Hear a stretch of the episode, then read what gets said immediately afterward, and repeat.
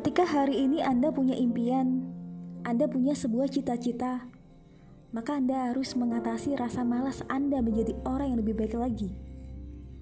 Orang yang sukses di luar sana itu bukanlah orang yang diam.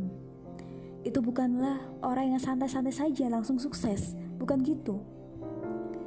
Mereka adalah orang yang selalu setiap harinya bertanya kepada diri mereka sendiri, bagaimana saya bisa mensukseskan diri saya? Bagaimana saya bisa membantu orang lain? Bagaimana saya bisa membanggakan kedua orang tua saya? Itu yang ada di benak mereka. Maka bagi kalian yang saat ini masih terdiam, menjadi orang yang pemalas, ayo bergerak. Tunjukkan kepada dunia bahwa Anda bisa menjadi orang yang luar biasa.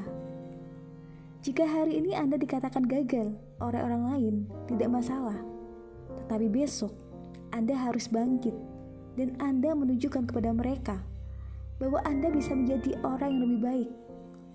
Tuhan tidak akan pernah mengubah nasib Anda jika Anda tidak berubah nasib Anda sendiri. Mari kita sama-sama bangkit, berubah nasib kita menjadi lebih baik lagi.